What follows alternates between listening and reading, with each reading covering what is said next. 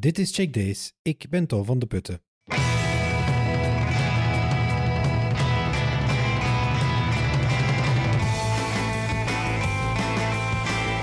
Een website of een app zou door iedereen bruikbaar moeten zijn. Ook mensen met een functiebeperking. Daar had ik het vorig seizoen met Bart Simons ook al eens over. Roel van Gils helpt met zijn bedrijf 11 Ways bedrijven, overheden en organisaties om die toegankelijkheid ook waar te maken. Dat is vaak eenvoudiger dan je denkt. Misschien heb jij ook wel wat aan de tips van Roel. Ja, we zijn eigenlijk met z'n twee. Ehm, we noemen onszelf een, een Digital Accessibility Lab. Ja. Ehm, wat we doen is bedrijven en overheden helpen die hun, hun, hun digitale ervaringen toegankelijk willen maken voor iedereen.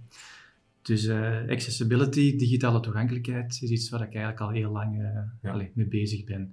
En hoe ben je dan? Altijd al als, als zelfstandige of in een eigen bedrijf? Of hoe is dat? hoe- Goh, dat ik ben eigenlijk een beetje, ja, een beetje begonnen, denk, bijna twintig jaar geleden intussen, Ja. als eh, een front-end developer.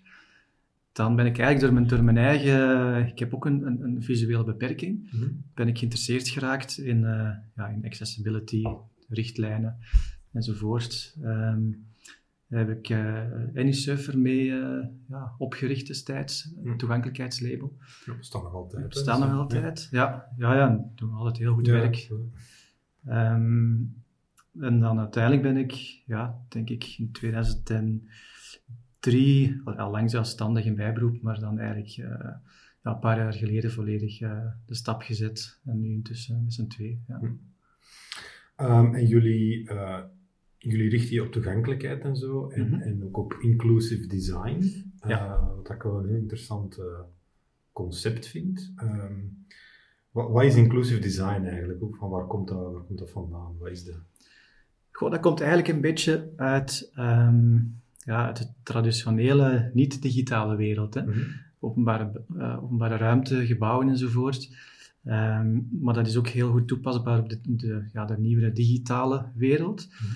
Voor mij gaat dat, je, hebt daar veel definities over natuurlijk. Hè. Iedereen maakt er ook een beetje zijn eigen definitie rond. Maar ik vind, het gaat eigenlijk om, om, om dingen ontwerpen of bouwen, ja, Mhm. eh, die niet bedoeld zijn voor jezelf. Als je een designer bent, dan is de bedoeling dat je dingen ontwerpt waar de andere mensen eigenlijk iets aan hebben. Mhm. Eh, en ook mensen in zoveel mogelijke omstandigheden en een beetje onafhankelijk van de mogelijkheden en beperkingen van die mensen. Mhm. En dat is minder evident dan dat lijkt. Want natuurlijk, je hebt daar wel wat inlevingsvermogen voor nodig, een beetje empathie. Eh, je moet je houden aan een aantal richtlijnen, conventies, best practices. Ehm, en natuurlijk, het is ook goed dat je die gebruiker daar zelf bij betrekt. Dat is eigenlijk het belangrijkste idee. Dat je... En heb je, heb je wat voorbeelden van hoe dat, dat bijvoorbeeld in een. Eh, ja, waar dat mensen zich dat, dat kunnen voorstellen van hoe dat, dat dan fout gaat of, of niet heel goed kan gaan of zo? Goh, ja, omdat ik zelf eigenlijk een beperking heb, kom Mhm. ik in mijn da- dagelijks leven voortdurend eigenlijk in, in, in contact met, met dingen waarvan ik denk van, hm, Mhm. dit zou toch beter kunnen. Dus niet alleen op dat digitaal vlak, hè, waar dat ik zelf mee bezig ben, maar ook bijvoorbeeld, ja, ik moest onlangs naar het ziekenhuis en eh, ik moest daar zo'n nummertje trekken om, om mijn beurt af te wachten. Hè. Mhm. En eh, voor mij is dat heel frustrerend, omdat die schermen hangen heel hoog aan het plafond. Ik zie nog wel redelijk goed, maar ik zie niet... eh, ik hoor dus wel het, het belletje afgaan, het geluidje van pling, het volgende nummer. Ja. Dan moet ik iedere keer recht staan en gaan kijken, dichterbij gaan kijken, is dat mijn nummerken of niet, en terug gaan zitten. Ja. En als je dan in de wachtzaal zit, dan is dat eigenlijk ambetant, want dan, de, de mensen denken, alleen die mensen gaat iedere keer recht staan. Ik, leer dan op den duur om daar een foto van te trekken, en dan denk ik van, oké, dan kan ik het zo zien. Want die nummertjes zijn ook niet oplopend natuurlijk, hè, want je hebt verschillende afdelingen waar je naartoe Ja, kunt. ja, ja. Dus het is niet dat je ene keer kijkt en dat je dan in je hoofd telt van het zijn nog drie nummertjes en dan is het aan mij. Dus dat is een grote frustratie. Maar dat is niet alleen voor mij. Ik, ik heb een, een dove ehm, vriendin waar ik onlangs mee sprak en, en zij vertelde eigenlijk net hetzelfde vanuit haar perspectief. Ik vond dat wel frappant. Zij zei, ja, ik krijg nekpijn als ik in de wachtkamer zit in het ziekenhuis, want ik kan het dan wel goed zien, maar ik, moet, ik hoor dat belletje niet. Dus ik moet de hele tijd omhoog kijken naar dat scherm dat aan het plafond hangt. Ik zit daar een uur te wachten en ik heb gewoon pijn in mijn nek, want ik moet de hele tijd alert blijven om te kijken of totdat mijn nummer verschijnt. Dus een simpele oplossing daarvoor kunnen, zou kunnen zijn om dat scherm niet aan het plafond te hangen, of eentje tenminste niet, en dat op ooghoogte te hangen, hm. zodat mensen daar gewoon naast kunnen gaan zitten, bijvoorbeeld. Klinkt onnozel eigenlijk, hè, maar dat is echt een voorbeeld van iets wat dat voorkomen zou kunnen worden als, die mens, als je mensen zou betrekken in, in, dat, eh, in dat designproces eigenlijk. Eh, het ook, het ook meer een, een high-tech voorbeeld. Hè. Het zijn van die dingen die je, die je regelmatig ziet opduiken. En een daarvan is de, de Talking Glove. Ja, de Talking Glove is zoiets uh, iets dat al heel lang meegaat. Sinds de jaren tachtig um, wordt daar eigenlijk al uh, onderzoek naar gedaan. En ja, het idee is eigenlijk ja, het spreekt tot de verbeelding om de communicatiebarrière tussen dove en, en, en, eh, en, en horende mensen weg te werken met technologie. Ja. Uh, tegenwoordig machine learning, artificial intelligence, van, alle heel fascinerende mogelijkheden. Maar de, het idee van de talking glove is ontstaan in de, in de hoofden van onderzoekers die denken van, uh, zou het niet fantastisch zijn mocht een dove persoon toch gewoon gebaren kunnen doen, maar dat die gebaren vertaald zouden worden naar, naar tekst en dan, en dan naar spraak ook nog. Hè. Uh, maar daar zitten allerlei haken en ogen aan, waardoor dat die technologie in de praktijk totaal onwerkbaar is. Mhm. Ten eerste wordt de verantwoordelijkheid hiermee in de schoenen geschoven van, van de dove gebruikers. Van, het is, eigenlijk is dit een technologie die bedacht is om, om horende mensen te, te, te helpen. Mhm. Eh, en niet om doven te helpen. Want doven staan daar niet om te springen, om handschoenen aan te doen en een beetje als een gek uh, te staan gebaren doen. Ten eerste, dat is het sociale aspect. Ook, ze hebben hun handen dan niet vrij, ze kunnen niks anders doen op dat moment. Mhm. Maar het belangrijkste misschien is nog dat, uh, dat heel het begrip van de dove cultuur en ook hoe dat gebarentaal werkt, dat dat door die onderzoekers onvoldoende uh, begrepen wordt. Hè? Want gebarentaal is niet zomaar een één-op-één vertaling van, van, uh, van onze taal, het heeft een hele eigen grammatica. En, en daarbij wordt ja, gebarentaal, dat is iets wat je met heel je lichaam doet. Dus de mimiek, hoe dat je met je wenkbrauwen fronst, wat je met je met uw mond doet en zo. Dat, wordt allemaal, uh, dat zijn allemaal belangrijke aspecten bij gebarentaal. Hm. Dus in de praktijk, mensen die doof zijn, die vinden dat eigenlijk een absurd idee. Uh, maar die onderzoekers die krijgen daar wel altijd maar fondsen voor. Uh, er is al, zijn, tussen de jaren 80 en nu zijn er een vijftal van die projecten geweest die, die prijzen gewonnen hebben. en die prijzen worden dan door juries uitgereikt van mensen die denken van wauw, dit is cool, dit is technologie die de doven kan helpen. Hm. Maar als ze een keer echt met de dove gemeenschap zouden spreken daarover, dan zouden ze begrijpen dat dat eigenlijk niet veel oplevert. Dat ze eigenlijk hun energie beter zouden steken in andere, hè, zoals automatische ondertitels op YouTube, hè, aan de hand van uh, machine learning, dat is eigenlijk veel um, relevanter. Ja, ja. Ehm, en, en de manier om dat dan op te lossen is eigenlijk door mensen met een beperking te, te betrekken bij dat. Dat is, dat is een onderdeel van inclusive design. Om, uh... Ja, ik vind dat heel belangrijk. Het begint allemaal een beetje met empathie. Uh, ook een beetje ja, uw inleven natuurlijk, hè, in, in de leefwereld van, uh, van mensen met een beperking. Ehm, maar als je iets aan het ontwerpen bent, dat je het ook op een aantal momenten afcheckt met echte gebruikers om te kijken van is dit waardevol, hebben ze daar iets aan? Kunnen we daar eigenlijk... Uh... En een diverse groep van gebruikers dan niet alleen... Uh... Ja, want het, eigenlijk het leuke aan dingen die op zo'n manier ontworpen zijn, is dat ze niet alleen maar... Uh, ja, uh, dat ze ook mensen zonder beperkingen te goede komen. Mm -hmm. er zijn heel veel ja, simpele voorbeelden te, te bedenken daarover toen dat de smartphone uh, tien jaar geleden populair werd, toen hadden veel mensen, blinde mensen vooral, de reflex van uh, oei, nu is het helemaal gedaan voor ons. Hè. Want we hebben uh, geen toetsen Want we hebben geen toetsen meer. Ze hadden dan eerst al die inductiekookplaten, die, dat zijn ook glazen platen waar dat je eigenlijk als blinde gebruikers eigenlijk niks mee kunt doen, omdat je hmm. er is niks tactiels aan, dat is eigenlijk ja, onbruikbaar. Ze dachten, de smartphone. Natuurlijk, toen is de, de de, de, de screenreader, de, de gesture-based uh, screenreader gekomen. Mm -hmm. waardoor dat je als blinde eigenlijk dat glazen plaatje toch volledig kunt, kunt gebruiken met aanraakgebaren en de audiofeedback. Wat eigenlijk een enorme openbaring is geweest voor de, de blinde community.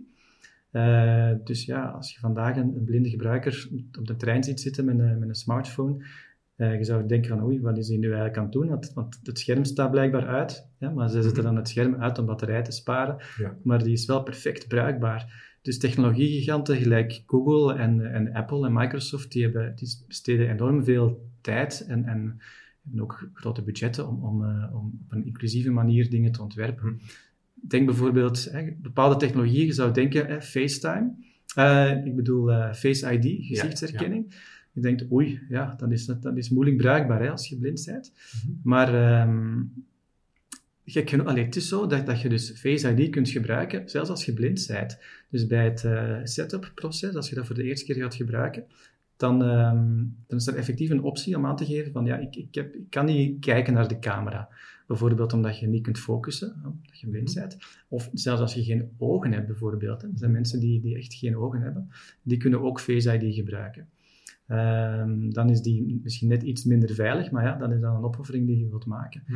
Tegen gelijk Siri. Hè. Je zou denken, als je niet kunt spreken, kun je dan, dan kun je geen Siri gebruiken.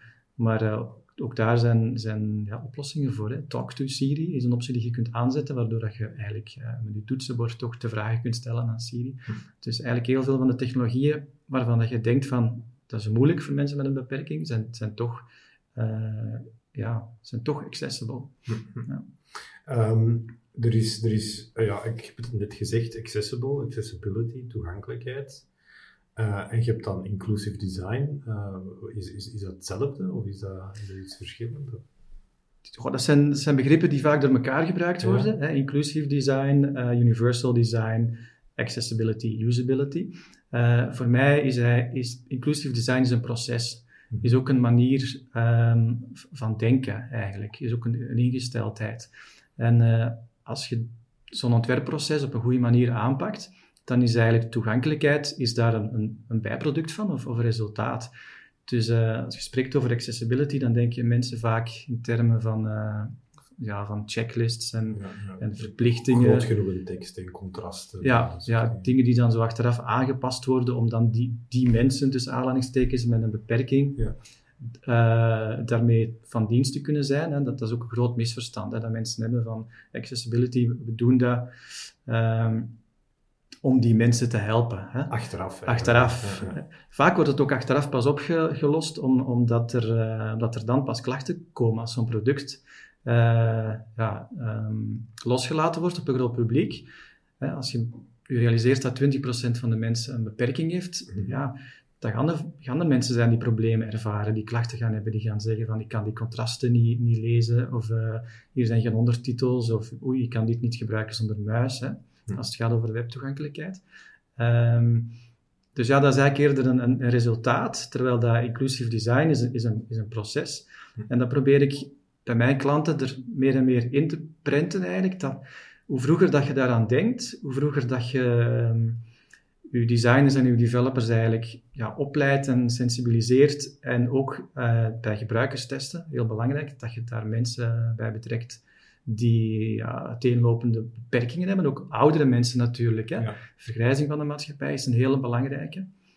Dus ja, dat is voor mij inclusief design. Dat is een beetje waarom dat we hier uh, een lab ingericht hebben. Een uh, inclusief uh, testlab noemen we dat. Ja. Dus daar waar we nu zitten. Ah, um, maar we hebben hier dus een heel, uh, een hele hoop uh, iPhones en, en, Androids en tablets uh, die we gebruiken om, om te testen. Mm -hmm. um, maar we nodigen hier ook mensen uit met beperkingen. Dus we hebben vorige maand een uh, gebruikerstest gedaan voor de stad Gent bijvoorbeeld. Ja. Uh, je weet, we zitten hier nu in de voetgangerszone van de stad Gent. Het circulatieplan, hè, heel gedoe.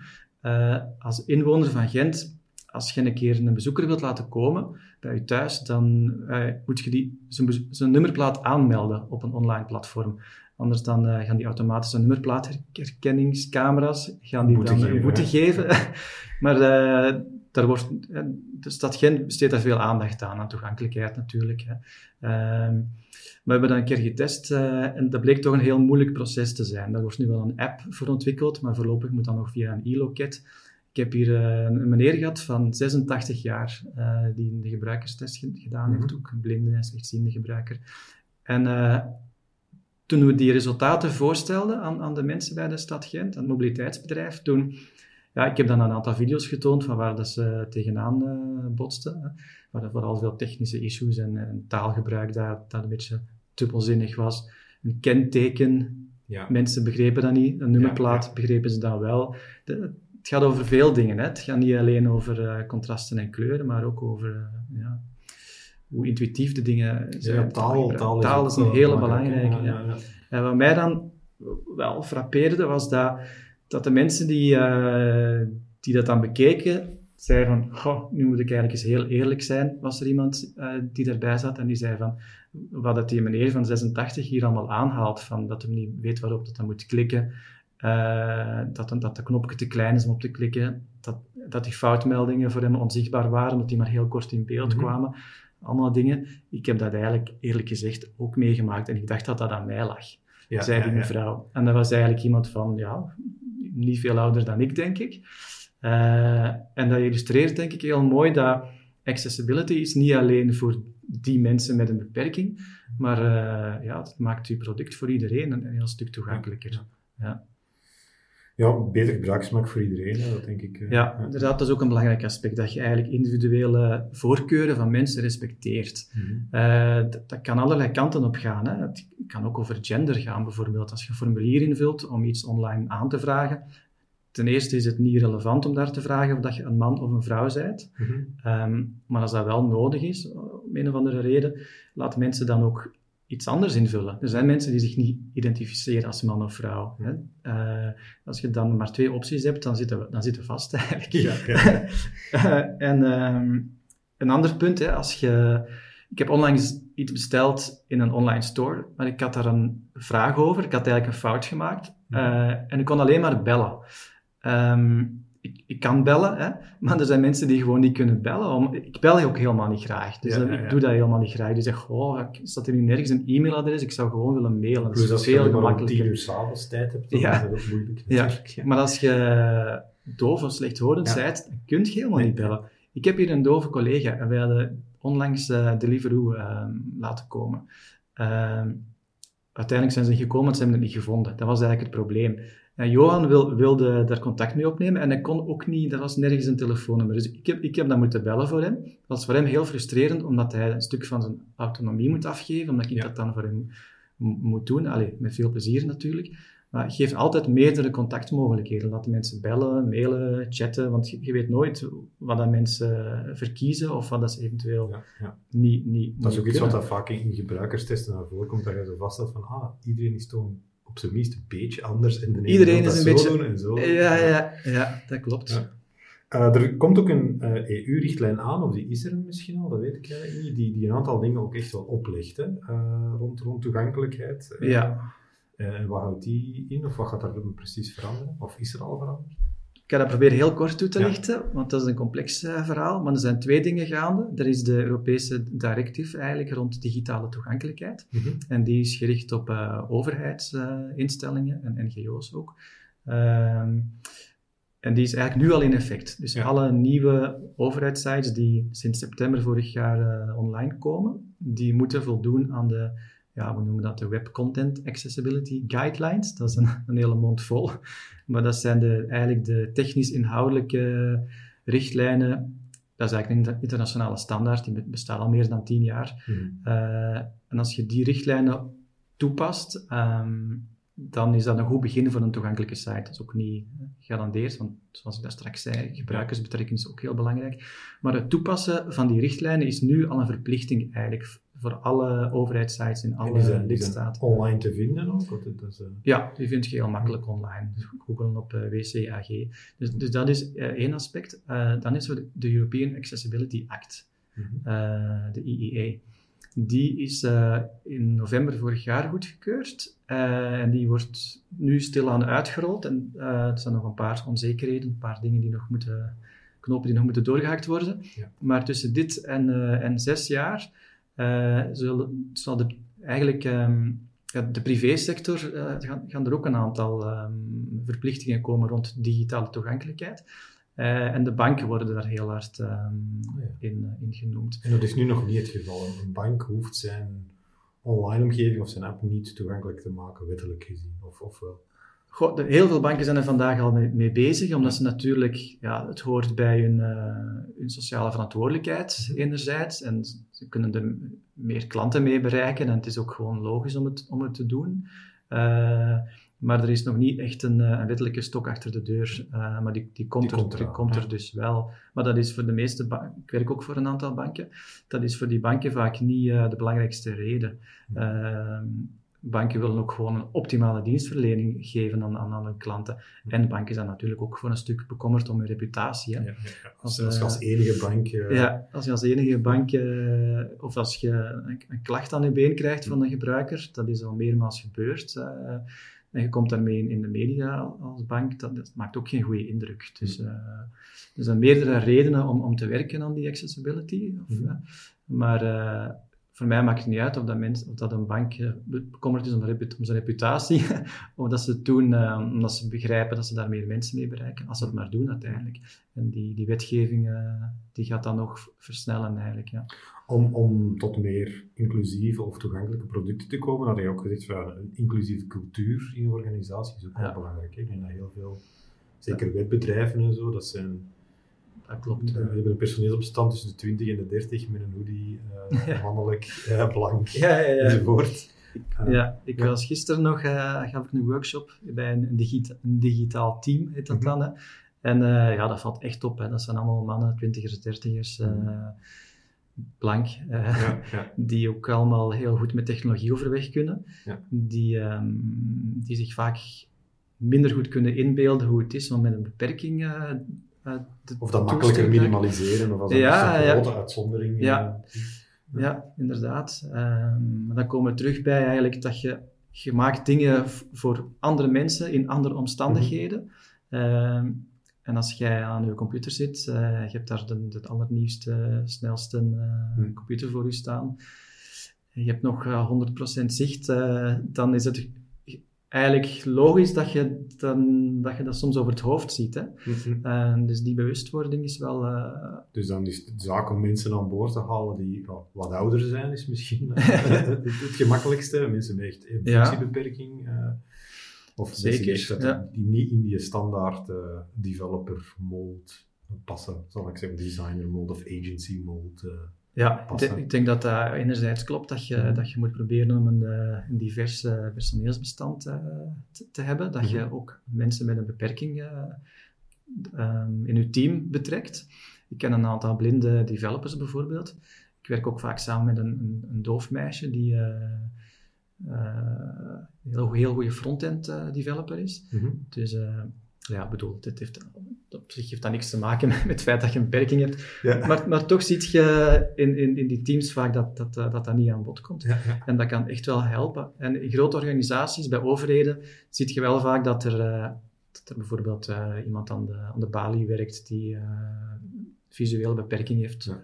En dan is het wel interessant om die een keer gewoon ja, erbij te halen en vragen, wat vind jij er nu eigenlijk van? Meestal is de bereidheid om dat te doen ook heel groot. Hè? Dat, uh, ja, ja, ja, ja, dat is zeker Wat dat je dan ook gezegd hebt, dat ik ook wel belangrijk vind, dat die, die, die uh, de gewenning of de awkwardness rond uh, toegankelijkheid of rond mensen met een beperking verdwijnt als je die ook echt in de organisatie hebt zitten. Hè? Ja, ja, ja, want er is een hele grote ja, bias eigenlijk, hè? ook naar uh, beperkingen toe. Dat mensen denken vaak van, goh, mensen met een handicap, wat moeten die doen met onze app? Waarom, uh, uh, waarom moeten we daar rekening mee houden? Want dat gaat onze creativiteit beknotten of we moeten dan al die, die richtlijnen gaan toepassen. En wie zijn die mensen eigenlijk? Ja, ook betutteling misschien. Betutteling, ja. Nog arme duts kunnen. En, dat ook, ja. Als mensen zelf voor de site van hun bedrijf, een organisatie uh, of, of, een evenement dat ze organiseren, als ze dat zeggen, ik wil dat wel toegankelijker maken, ik wil ja. dat inclusive design als ik aan het begin sta van het proces, zijn er organisaties of, of, of uh, instanties waar, dat ze, waar dat ze te raden kunnen, behalve Eleven Waste? ja, er zijn eigenlijk veel uh, organisaties in Vlaanderen en in België die daar rond werken. als het echt puur gaat om web accessibility, dan is, is NSF echt een gevestigde waarde. Ja. Uh, waar dat je ook terecht kunt voor een audit van je site. Hè. Je kunt daar ook een, een label uh, op geplakt krijgen. Um, als het gaat om toegankelijkheid van openbare gebouwen, evenementen, uh, de openbare ruimte, sportevenementen enzovoort, dan is Inter, Inter.Vlaanderen daar de instantie voor, die heel veel expertise hebben, hebben rond rond toegankelijkheid. Mhm. Ehm, als het gaat om audiovisuele toegankelijkheid en, en mediatoegankelijkheid, Mhm. ehm, dan is er, een, heeft, eh, is er een expertisecentrum, Open heet dat, van de Universiteit Antwerpen, eh, die heel veel eh, kennis hebben over audiodescriptie, ondertiteling en ook hoe dat je evenementen in het algemeen... Mhm. Allee, nee, het gaat eigenlijk vooral over eh, ja, ook operavoorstellingen, Ja, ja. theater, dat soort dingen. Daar zijn ze echt expert in. Ehm, maar echt, online valt er ook enorm veel te vinden. Hè? Ja, de WCAG-richtlijnen over Ja, ja, de, de, de technische richtlijnen staan gewoon allemaal online. Maar als mensen echt eh, zo'n soort crash course willen krijgen in eh, wat inclusive design eigenlijk betekent, waarom het belangrijk is, hoe dat je het ermee aan de slag kunt, Mhm. dan heeft Microsoft een hele goede toolkit ontwikkeld. Ah ja. De Inclusive Design Toolkit die staat online, dat is ook helemaal gratis. Dat is wel in het Engels. En dat is eh, om het designproces.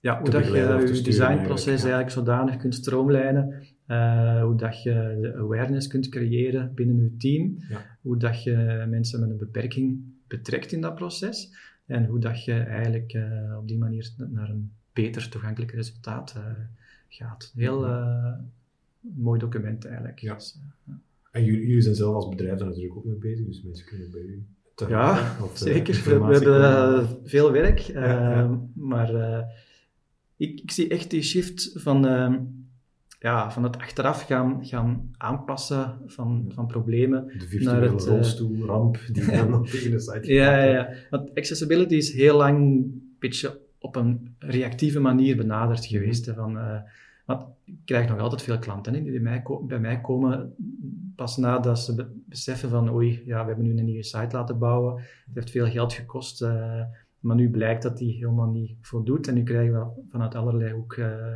klachten van gebruikers die er moeilijk mee kunnen werken. Eh, en dan moeten we dingen gaan, gaan aanpassen, want dat doen we dus ook. Eh, maar dat is minder efficiënt natuurlijk dan wanneer dat je bij de start de juiste keuzes maakt. Niet alleen de juiste technologische keuzes, maar ook ehm, ja, dat, je, dat je eigenlijk ehm, De juiste de prioriteit. juiste prioriteit eh, legt eigenlijk en dat je je, kanalen ook goed kiest. eh. dus ja, het heeft heel vaak, het heeft heel veel raakvlakken met, eh, ja, met, met, met, met de algemene customer experience, user experience. Eigenlijk voor mij is accessibility usability, maar dan voor iedereen. Ja, ja, dus, mooie afsluiting denk ik, Mhm. want de tijd zit er eh, stilaan op. Eh, als mensen nu willen contacteren of vragen stellen, zijn jij online ergens te vinden? Ik Eh, ja, ja, ja, als je mijn naam eh, intypt Ja. Google, vind je het een en het ander. Mensen kunnen mij volgen op Twitter, at Roel van Gils. Ja. We hebben ook een tweewekelijkse nieuwsbrief over accessibility Mhm. en inclusive design. Niet alleen technische zaken, ook ja, algemene zaken, tips en tricks. Ja. Eh, www.11ways.be, daar kunt je je abonneren op die nieuwsbrief. Super, heel erg bedankt. ja, graag gedaan.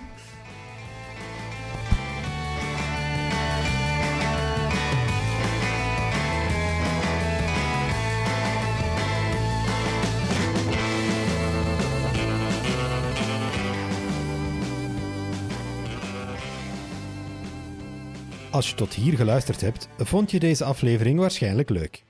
Vertel erover aan al je vrienden en zet de sterretjes op 5 in Apple Podcasts. Of beter nog, schrijf een review, zo kunnen meer mensen Checkdays ontdekken.